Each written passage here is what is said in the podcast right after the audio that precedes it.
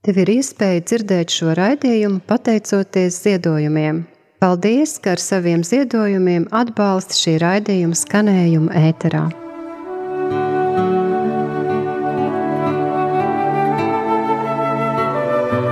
Tu esi brīnišķīgi veidota un mirdzi kā visdārgākā pērle Dieva rokās.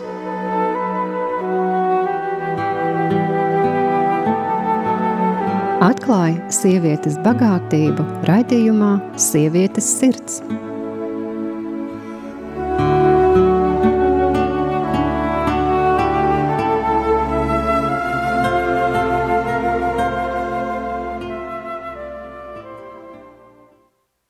Esiet sveicināti raidījumā Sievietes sirds. Ar jums kopā būšu es raidījuma vadītāja Judīta – Vēlos pateikties ikvienam, kurš ir klausījies jau iepriekšējos raidījumus, un arī kurš atradis laiku, lai šodien mūs klausītos. Paldies ikvienam, kurš ir arī sūtījis kādas atsauksmes. Tas ir alaži ļoti noderīgi, lai ir šī komunikācija ar klausītāju. Bet es uh, labprāt saņemtu arī jūsu kādas atziņas, kādus jautājumus. Varbūt arī ir kāda lieta, kam jūs nepiekrītat. Mēs varam par to arī padiskutēt. Varbūt jums ir cits redzējums par to, ko es esmu jau iepriekš teikusi. Būtu ļoti jauki. Un, protams, arī uh, kādas tēmas, ko jūs uh, gribētu dzirdēt, par ko būtu vērts runāt šais raidījumos. Un kā jau es esmu jau agrāk arī teikusi, ka mm, tas, kas interesē vienam, tas noteikti interesē arī vēl kādam klausītājam. Zinu, ka klausās šo raidījumu arī vīrieši, paldies arī jums par to, un kas, nu, vēlas kaut nedaudz izprast vairāk sievieti, uh, ne tikai pašas sievietes, bet arī vīrieši.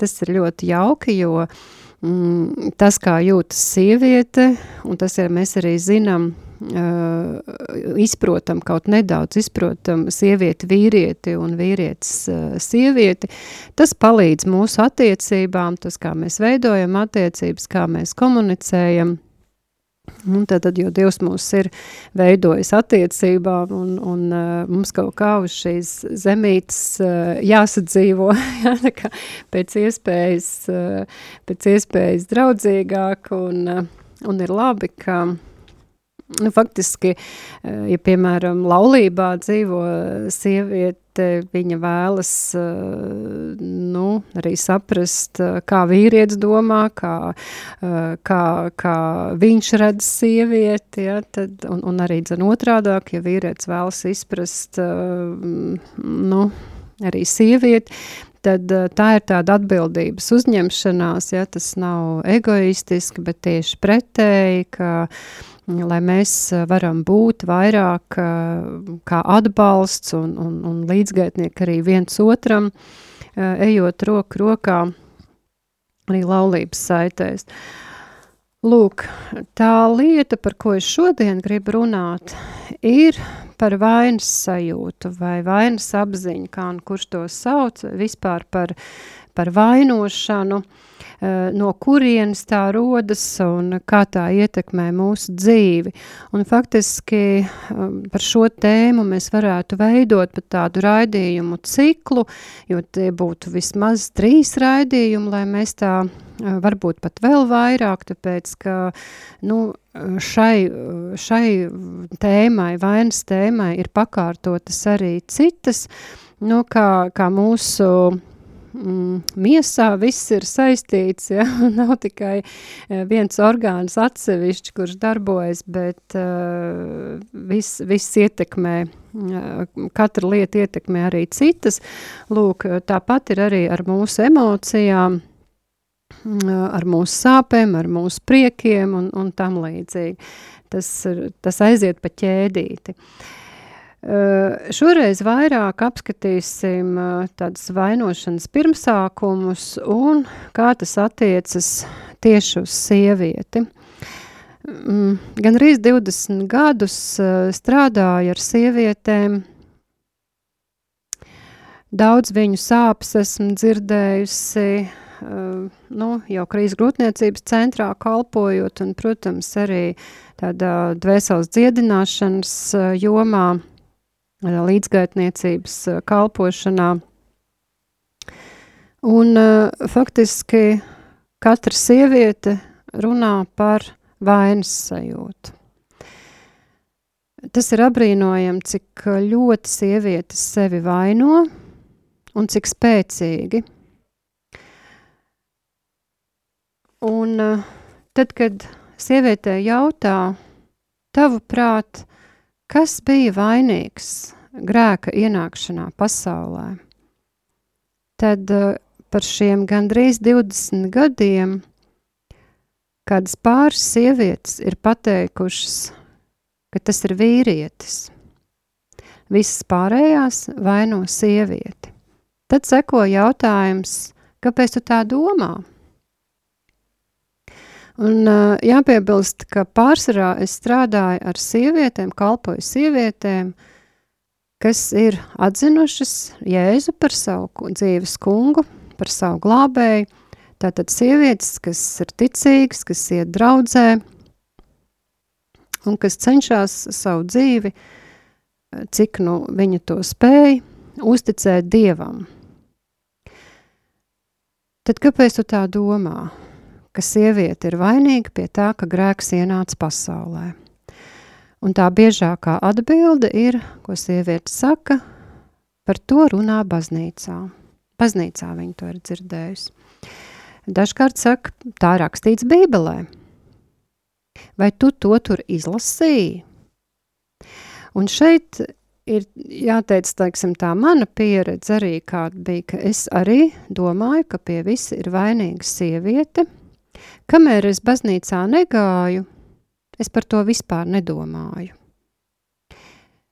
Bet uh, tieši ejot baznīcā un, un, un uh, esot tādā kristiešu vidē es pieņēmu to kā, kā patiesību, ka, ka sieviete ir vainīga un ka vienmēr ir jāklausa vīram, ka viņam vienmēr taisnība. Ja? Esiet paklausīgi saviem vīriem.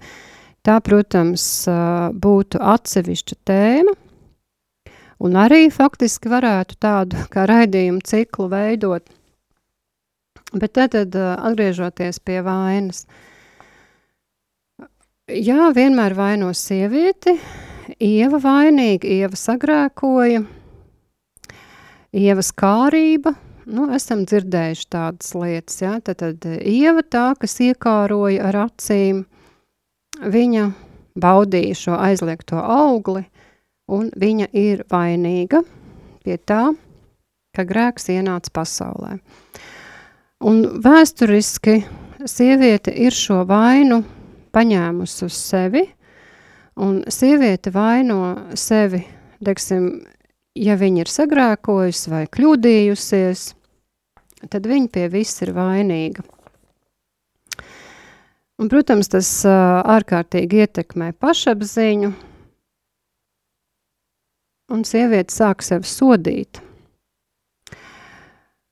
Un vai nu domā, vai arī skaļi izsaka tādus vārdus, ka es neesmu vērtīga, vai, teiksim, arī piedošanas tēma, ko mēs noteikti arī, un tas atkal būtu tāds cikls par piedošanas tēmu, pat tik lielā mērā tad šāda apgalvojuma izsaka, ka es neesmu tā vērta, vai es neesmu pelnījusi, lai man piedotu, esmu tik, tik ļaunas lietas darījusi un esmu vainīga.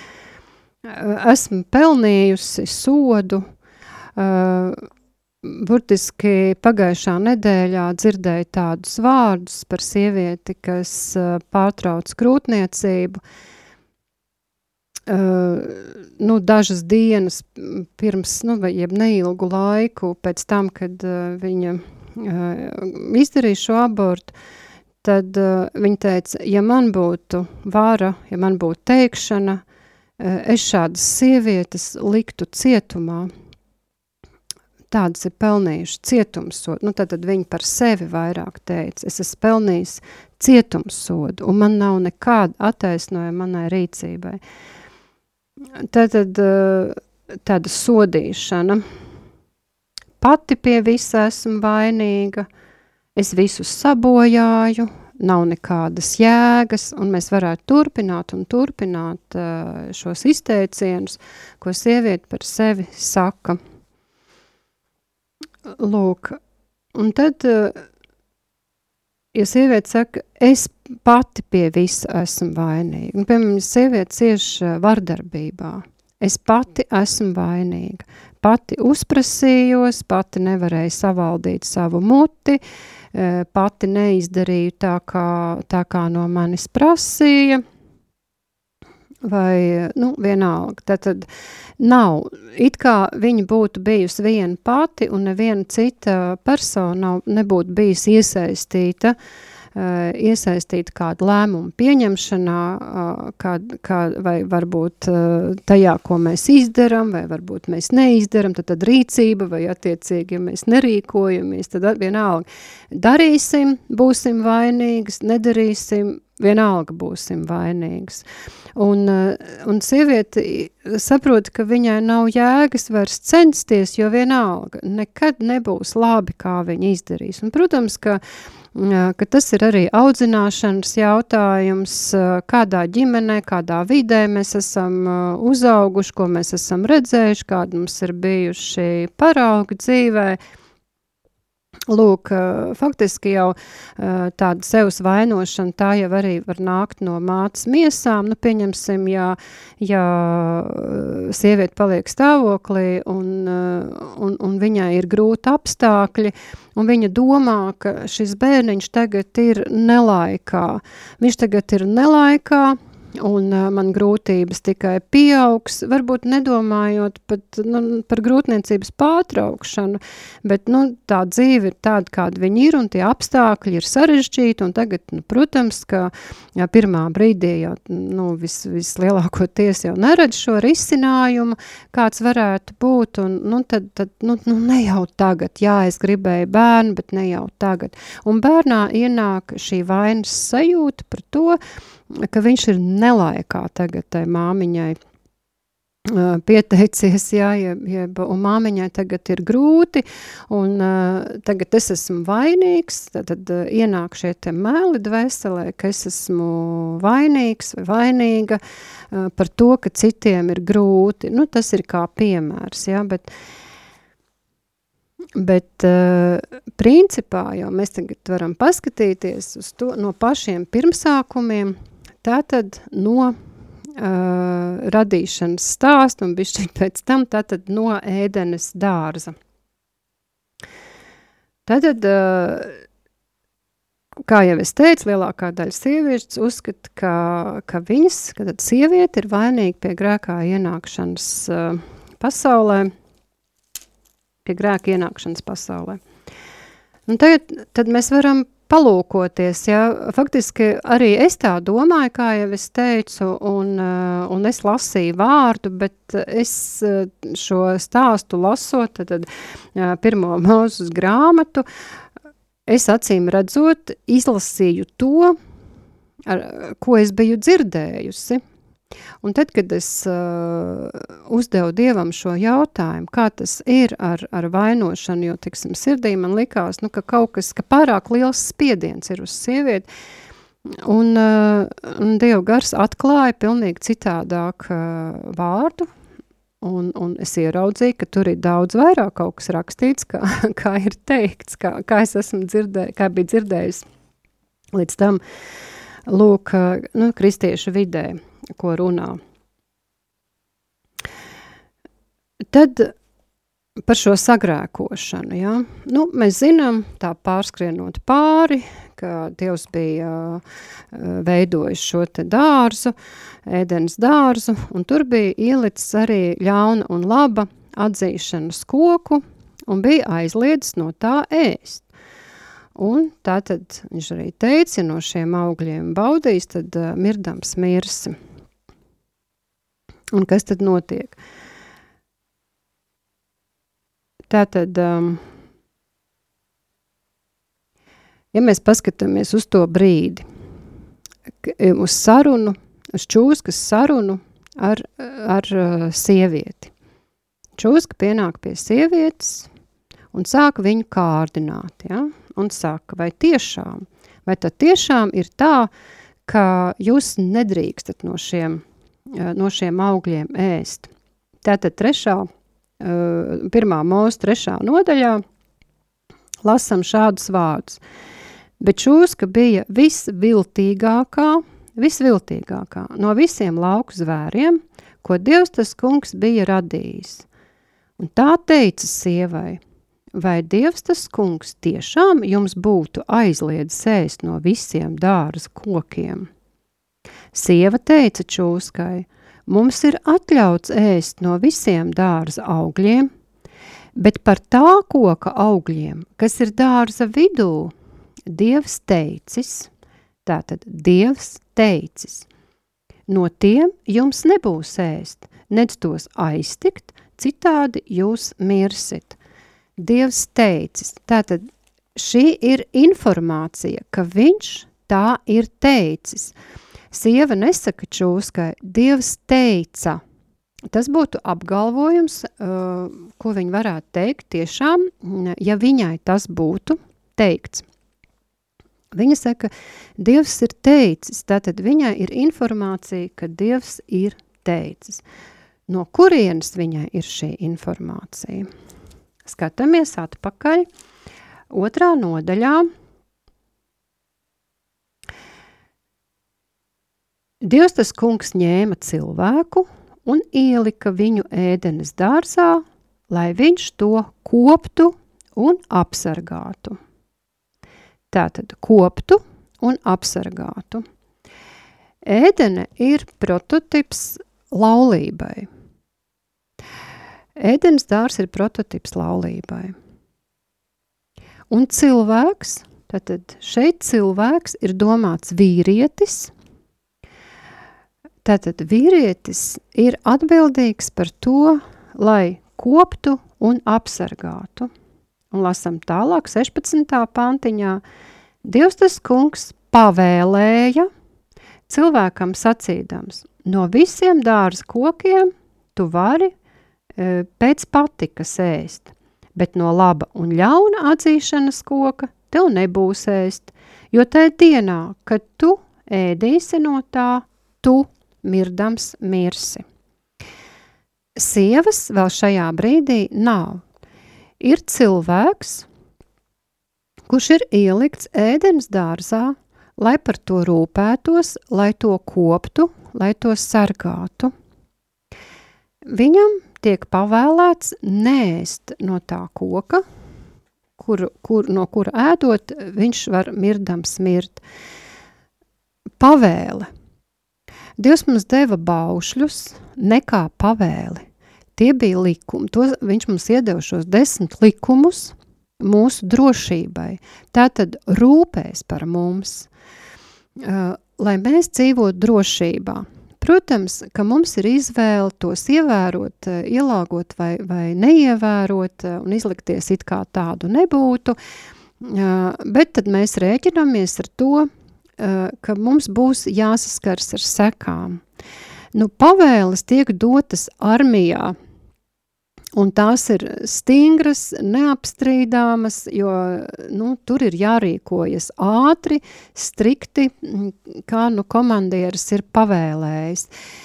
Un, ja šīs pavēles netiek pildītas, tad attiecīgi karēvis droši vien saprot, ka viņš nāks tādā grūtākā tiesā, ka arī, arī šīs tas sekas – būs uh, diezgan uh, drastiskas. Tas nebūs tā, ka mēs esam pārkāpuši likumu, uh, bet ja netiek klausīta pavēle, tad tās sekas arī tādas nopietnākas var būt.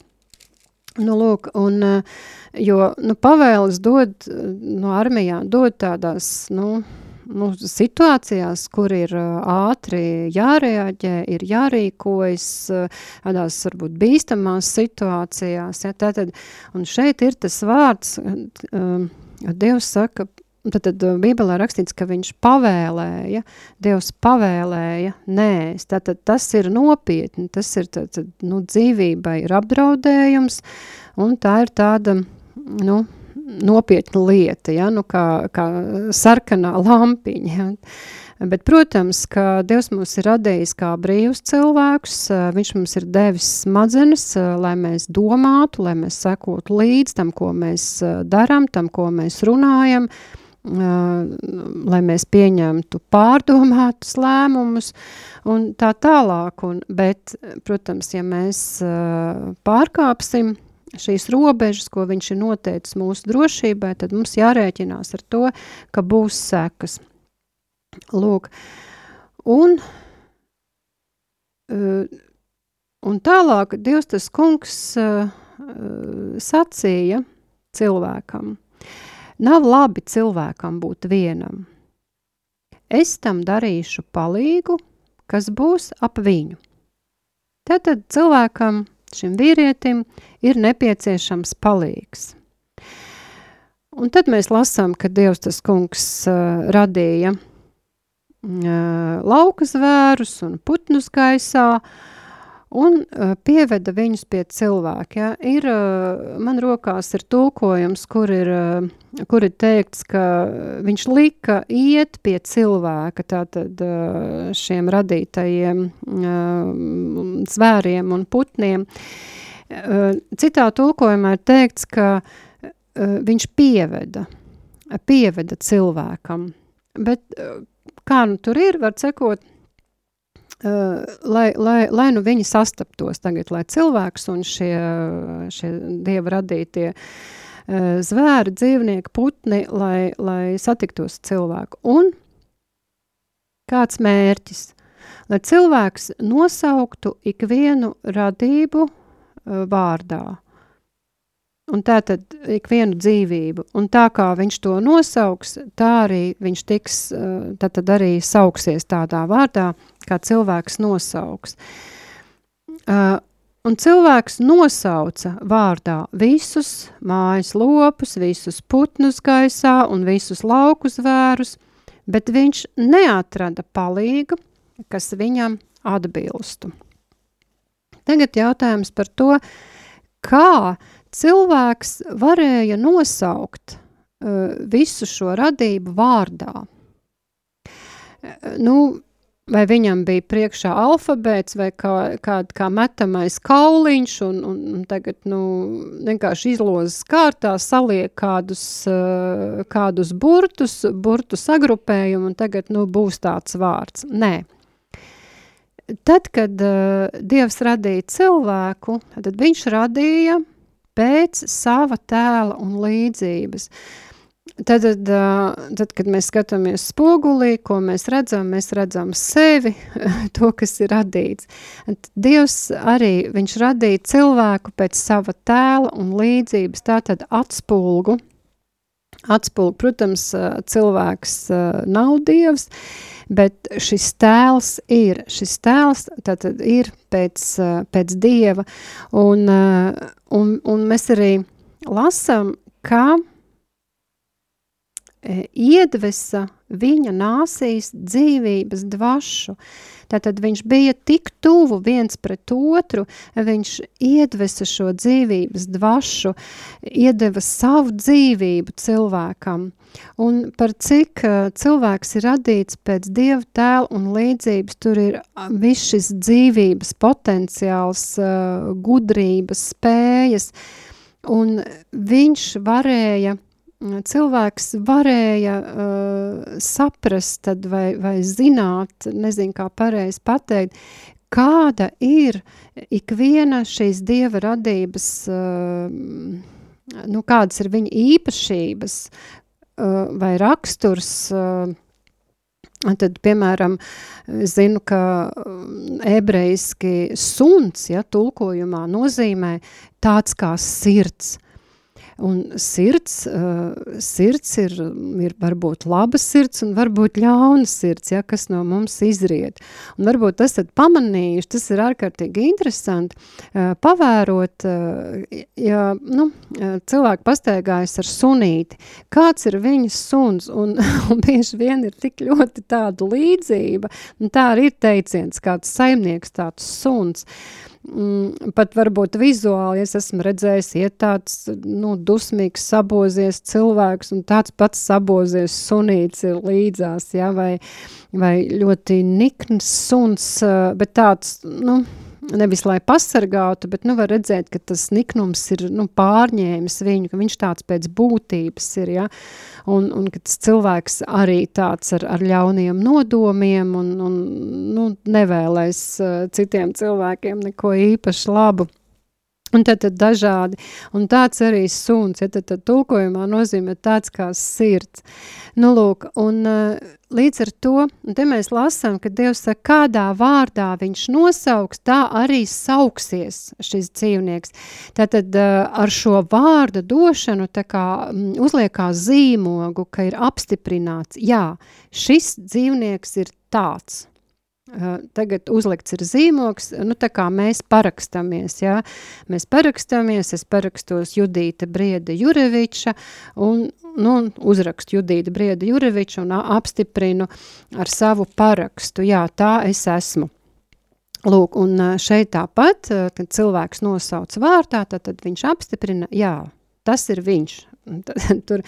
Un uh, mēs zinām, ka arī uh, nereti cilvēki maina savu vārdu, uh, jo viņi nav, nu, viņus, viņi, nu, mēs arī, nu, arī daudz, nu, dažkārt, ja, meklējam, kāds ir tulkojums mūsu vārdām, ja, tad, kuriem ir interese, un, piemēram, es zinu mm, arī vienu sievieti, kas mainīja savu vārdu no no Lilitas uh, uz Ēvu. Tāpēc, ka Lilita ir uh, okults vārds, uh, okultas darbības bija veikusi, un tātad Eva, kas ir uh, celsies no Ievas, ja šis vārds, tātad viņa nomainīja savu vārdu, jo viņa arī pati bija mm, Eh, bija daudz okultas lietas darījusi, un viņa negribēja uh, savu dzīvi vairāk saistīt ar šādu vārdu. Vai, piemēram, uh, Bībelē mēs zinām, ka Sāra, uh, Sāra un Sāraja uh, mainījās uh, viņas, viņas aicinājums dzīvē, un Dievs mainīja viņai vārdu. Vai, ja mēs, nu, tiksim, Ecehela grāmata, ne Ecehela, es atvainojos, Hozejas grāmatā, ir stāsts par jabecu. Un mēs tur lasām cilts rakstus, ja, tur vārdi, vārdi, vārdi, vārdi, kurus mēs nevaram iegaumēt, un, un lasot arī brīžiem pat nevaram izrunāt šos vārdus, un pēkšņi ir jābec. Un tad, nu, ir vairāki panti par jābecu, Mm, kāpēc tik nozīmīgi pie šī apstāties? Un tur ir teikts, ka, ka māte viņu sāpēs dzemdēja, un tāpēc nosauc par jabets. Un vārds jabets nozīmē sāpes. Un tad iedomājieties šī bērna dzīvi, viņš ir dzīvojis šādu vārdu, jūs saukt sāpes, sāpes, sāpes, sāpes. Tad, tad uh, viņš dzīvo sāpēs reāli, jo tāda atmosfēra, tāda ir viņa dzīve dēļ šī vārda. Un, un tad nu, arī ir šī populārā lūkšana, ja, ko, ko Jabets lūdz, lai, lai Dievs viņu uh, pasargā, lai viņam vairs nebūtu šīs sāpes jācieš, ja, bet uh, lai viņš būtu svētīdams svētīts. Lūk, un uh, tad, tad par vārdu. Un mēs lasījām ka čūska bija visviltīgākais uh, no zvēriem, ko Dievs bija radījis. Un, protams, ka cilvēks uh, zināja, zināja čūskas dabu, uh, tajā brīdī, kad viņš nosauca vārdā visu, viņš zināja, viņš apliecināja, dodams šo vārdu, ka viņa ir visviltīgākais. Viņš zināja šīs rakstura īpašības. Kāpēc es uh, tam tik ļoti uh, pieskaros, tad saliksim visu to puzlīt kopā, tad jūs redzēsiet. Lūk, un tā tad viņš nu, apstiprināja arī šo čūskas vārdu. Un tālāk tātad mēs esam noskaidrojuši, ka neviena tāda līdzvērtīga palīga neviena līdzvērtīga palīga cilvēks neatrada sev. Jo, nu, protams, ka viņš zināja viņu dabu, viņu iezīmes, un, un viņš saprata, nu, nē, nu, te nebūs neviens man līdzīgs. Uh, un tad cilvēks, uh, tad Dievs uh, radīja no paša cilvēka viņam palīgu, ja, izņemdams ribu, tad radīja sievieti. Un kas notiek tad, kad viņi sastopās? Kad cilvēks ieraug šo sievieti. Tātad sānkaulu, ko viņš, tātad Dievs no cilvēka bija ņēmis, Dievs tas kungs izveidoja par sievieti un lika tai iet pie cilvēka. Tātad atkal pieveda tieši priekšā. Tad cilvēks, tātad šis vīrietis, pirmais vīrietis, sacīja, šī tiešām ir kauls no mana kaula un miesa no manas miesas. Tai būs saukties par vīreni, jeb sievu, tāpēc, ka tā no vīra ir ņemta. Citiem vārdiem sakot, cilvēks šo sievu atzina par labu esam. Jā, šis ir labi, šis man der. Tātad pats atzina, pats izvēle, nu, viņš izdarīja izvēli. Viņš varēja teikt, nē, nē, nē, šis man arī neder, ja? bet, bet scenārijs ir tāds, ka vai nu, nezinu, kā būtu, nu, gan jau Dievam, Dievam būtu vēl kaut kas padomā, ja, nu, ko mēs nu, tur analizēsim, bet uh, runa par to, ka viņš atzina, ka ir viss kārtībā, šī ir īstā. Īstais palīgs man. Nu, lūk, un tad mēs atgriežamies uh, vietā, kur čūska runāja ar sievu, un sieva saka, ka Dievs teicis, ka nedrīkst ēst, ja, citādi mirdams mirsi. Un noskaidrojām, kam, dievs, kam tad Dievs to bija teicis, viņš to bija sacījis, un neviens sacījis, bet pavēles veidā, tā kā, nu, brīdinādams arī cilvēku, būs slikti, ja ēdīs no šī, ja. Un tātad, acīm redzot, cilvēks arī pastāstīja šo savai sievai. Nu, uzņemdamies atbildību, jo tad, tad mēs jau noskaidrojām, ka cilvēks bija ielikt šai ēdenes dārzā, lai to koptu un apsargātu. Tātad tās lietas, par ko mums ir jārūpējas, tas ir saistīts arī ar atbildības uzņemšanos. Jā? Mēs kopjam un apsargājam kādas lietas, un mēs Tātad veicam uh, visas nepieciešamās darbības, lai tiešām tur būtu skaisti un lai nebūtu nekāda apdraudējuma. Un čūska turpina sarunu ar sievu un saka, jūs nemirsiet viss, bet Dievs zina, ka tanī dienā, kad jūs no, no tiem ēdīsiet, jūsu acis atvērsies un jūs būsiet kā Dievs, zinādami, kas labs un kas ļauns. Un sieva vēroja, ka koks ir labs, lai no tā ēstu, un ka tas acīm jūt tīkams un iekārojams to uzskatot, tātad uz to skatoties. Tātad, jā, ienāca šī kārība caur acīm, ka skatoties ar acīm, tad ar tāda kārdinājuma acīm, uh, pavisam savādāk šo ainu, nekā viņai bija tā informācija iedota, jā, ka jūs mirdam, mirsiet. Nu, respektīvi, viņai tas netika teikts, tas tika teikts cilvēkam, tad, tad viņas vīram. Un kas notiek tālāk? un viņa ņēma no koka un ēda. Viņa ņēma no koka un ēda. Tātad šī arī ir tā informācija, uz kuru balstoties, tad sieviete pieņem, ka viņa ir vainīga, un viņa arī tiek vainota, jo tu ņēmi un tu ēdi. Un tas ir tāpat kā Sieviete ir, ka sievietei stāsta, ka viņai ir jābūt paklausīgai savam vīram. Jo ir šī te, nu, tātad šis dieva aicinājums, sievas, esiet paklausīgas saviem vīriem. Un tas arī tiek pieņemts, tātad viss man ir jābūt paklausīgai.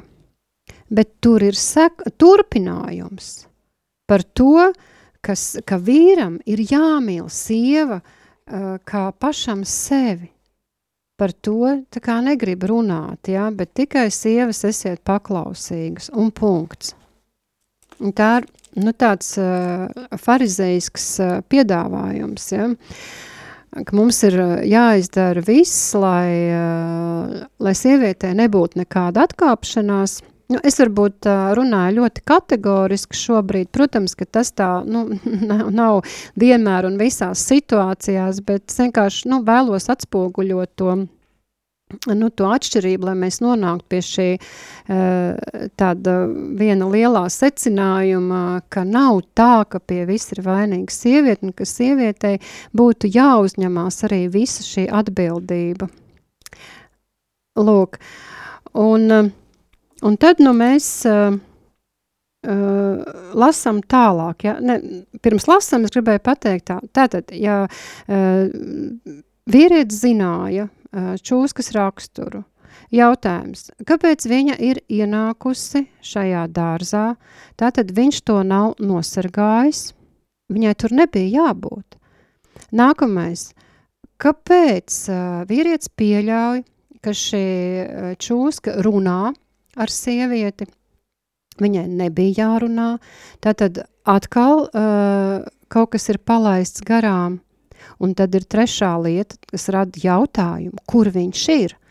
Jo pirms tam mēs arī lasām, ka viņi eh, tās dienas tur vadīja kopā un kopā ar Dievu. Un nav. Un viņa nav, viņš nav it kā klātesošs. Kur tu esi? Kur tu esi cilvēki? Kāpēc tu neesi līdzās savai sievai? Kāpēc tavu sieva ir atstāta viena? Bet ko mēs lasām? Uh, pirmā mūzus 3, seši. Un viņa ņēma no koka un ēda, un deva arī savam vīram, kas bija pie viņas, un tas arī ēda. Tātad, kā strauss galvu iebāž smiltīs, un tagad es neko neredzu, un tā nav mana atbildība. Viņš arī kāroja pēc šī uh, augļa, ja, no šī aizliegtā koka, taču Viņš izlika, nu, teiksim tā, mm, vienkāršo, vienkāršā valodā runājot, izlikās pa beigtu, ja, jo ar mani jau neviens nerunā un man neviens nekārdina, ja, bet, nu, ja jau tā sieva paņēma, tad es arī tagad paņemšu un ēdīšu. Tad, tad viņš nevienā brīdī ne, neiebilda, citiem vārdiem sakot, nevienā brīdī neuzņēmās atbildību.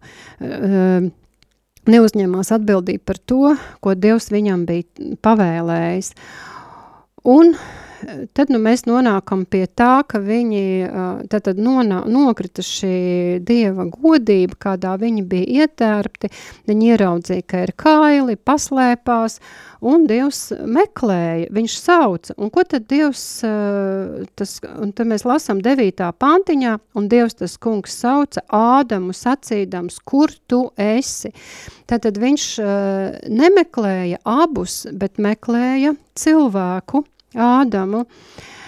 Un tad, nu, uh, tad nu, cilvēks uh, paskaidroja, ka mēs kā, paslēpāmies, mēs nobijāmies.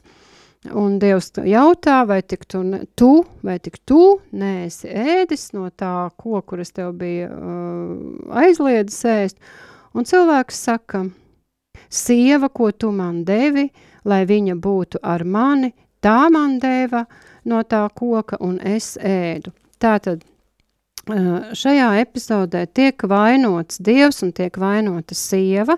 Tad atceramies, ka cilvēks pats atzina šo sievu par labu esam, bet tagad tā, ko tu man devi, lai viņa būtu ar mani. Nu, tā kā tāds upuris, jā, tagad viņš ir upuris, jo viņam redz piespiedu kārtā bija iedota sieva un viņa, viņa man deva. Tātad sieviete vainīga un, un Dievs vainīgs. Lūk, no šī arī ceļās, jā, tātad vēsturiski iet jau gadu tūkstošiem tas, ka sieviete pie viss ir vainīga, bet uh, Dievs, uh, viņš jautā tagad, tā kā prasa atbildību, un jautādams sievai, kāpēc viņa tā ir darījusi, viņa saka, čūska mani pievīla un es sēdu. Tad, tad viņa uzņemas atbildību, viņa nesaka, tas vīrs mani nepasargāja. Tas ir fakts, ka nepasargāja. Viņš ir līdzatbildīgs par to, ka sieva ēda, jo viņa uzdevums bija kopt un sargāt. Nu, kas tad tu pati liela meitene nesaprati, ka nedrīkstēji ēst, ja? tā nav.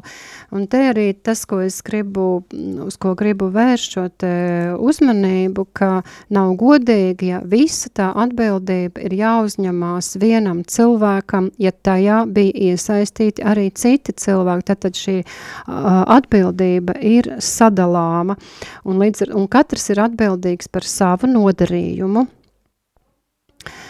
Un, eh, un Dievs, eh, tad, tad eh, viņš nolāda čūsku, par to jau mēs arī iepriekš runājām, ja, tad iepriekšējā raidījumā, ka viņai nebūs nekāda trūkuma, un tas ir viņas lāsts, jo viņa, viņa rīs, rīs pīšļus, ja, kas nekad netrūks, viņai nebūs nekāda trūkuma.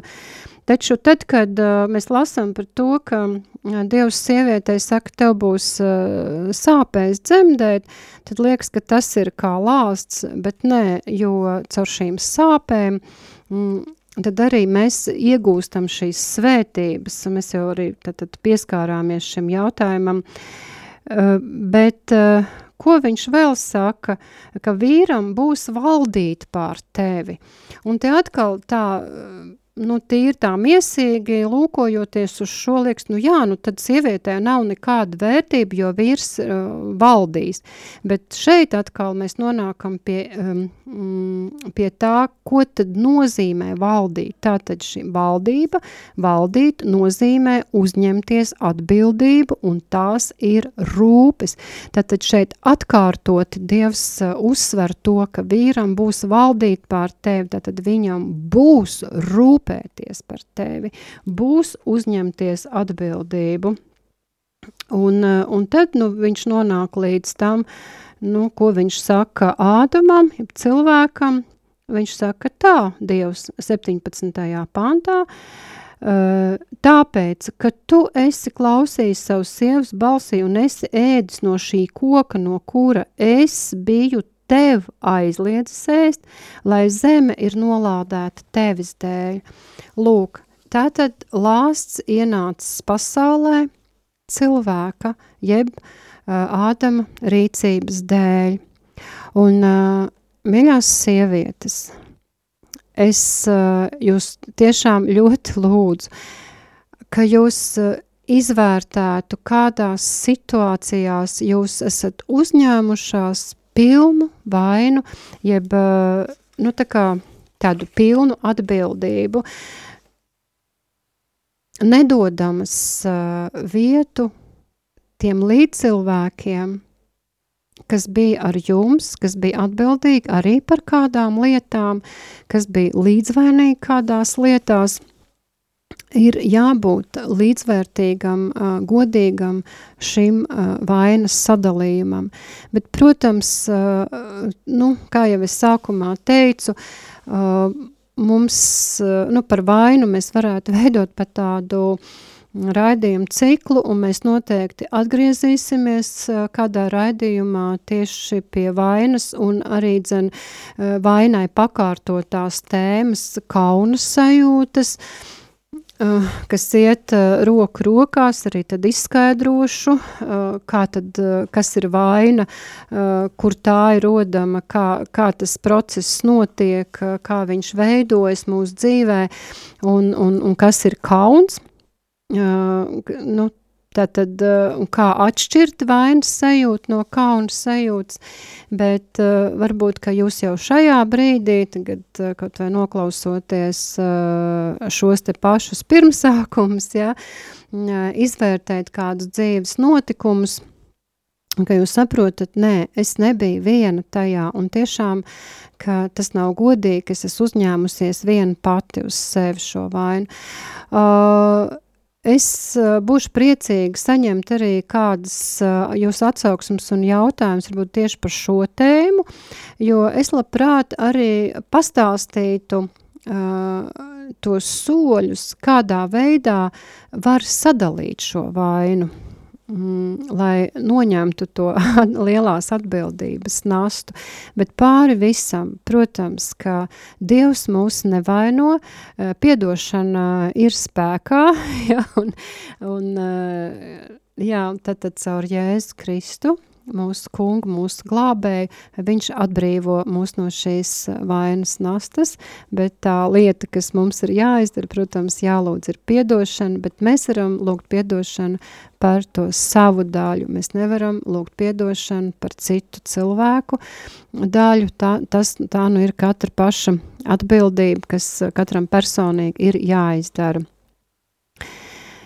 Nu, Tik tālu tad eh, šajā reizē eh, par to, par šo plašo, es gribētu teikt, eh, tēmu par vainu. Nevainojiet sevi, izdibiniet savu sirdi un atdodiet visu šo vainas nastu tam kungam, nolieciet pie krusta, atdodiet to jēzum un nesteigājiet ar šo smagumu vairāk. Uh, Nu, ko, lai Dievs jūs visus bagātīgi svētī un uz tikšanos kādā no mūsu nākamajiem raidījumiem. Esiet svētīti!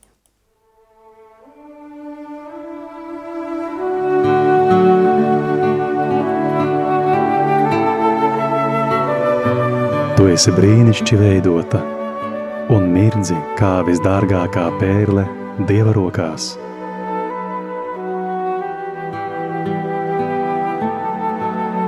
Atklāja sievietes bagātību raidījumā Sievietes sirds.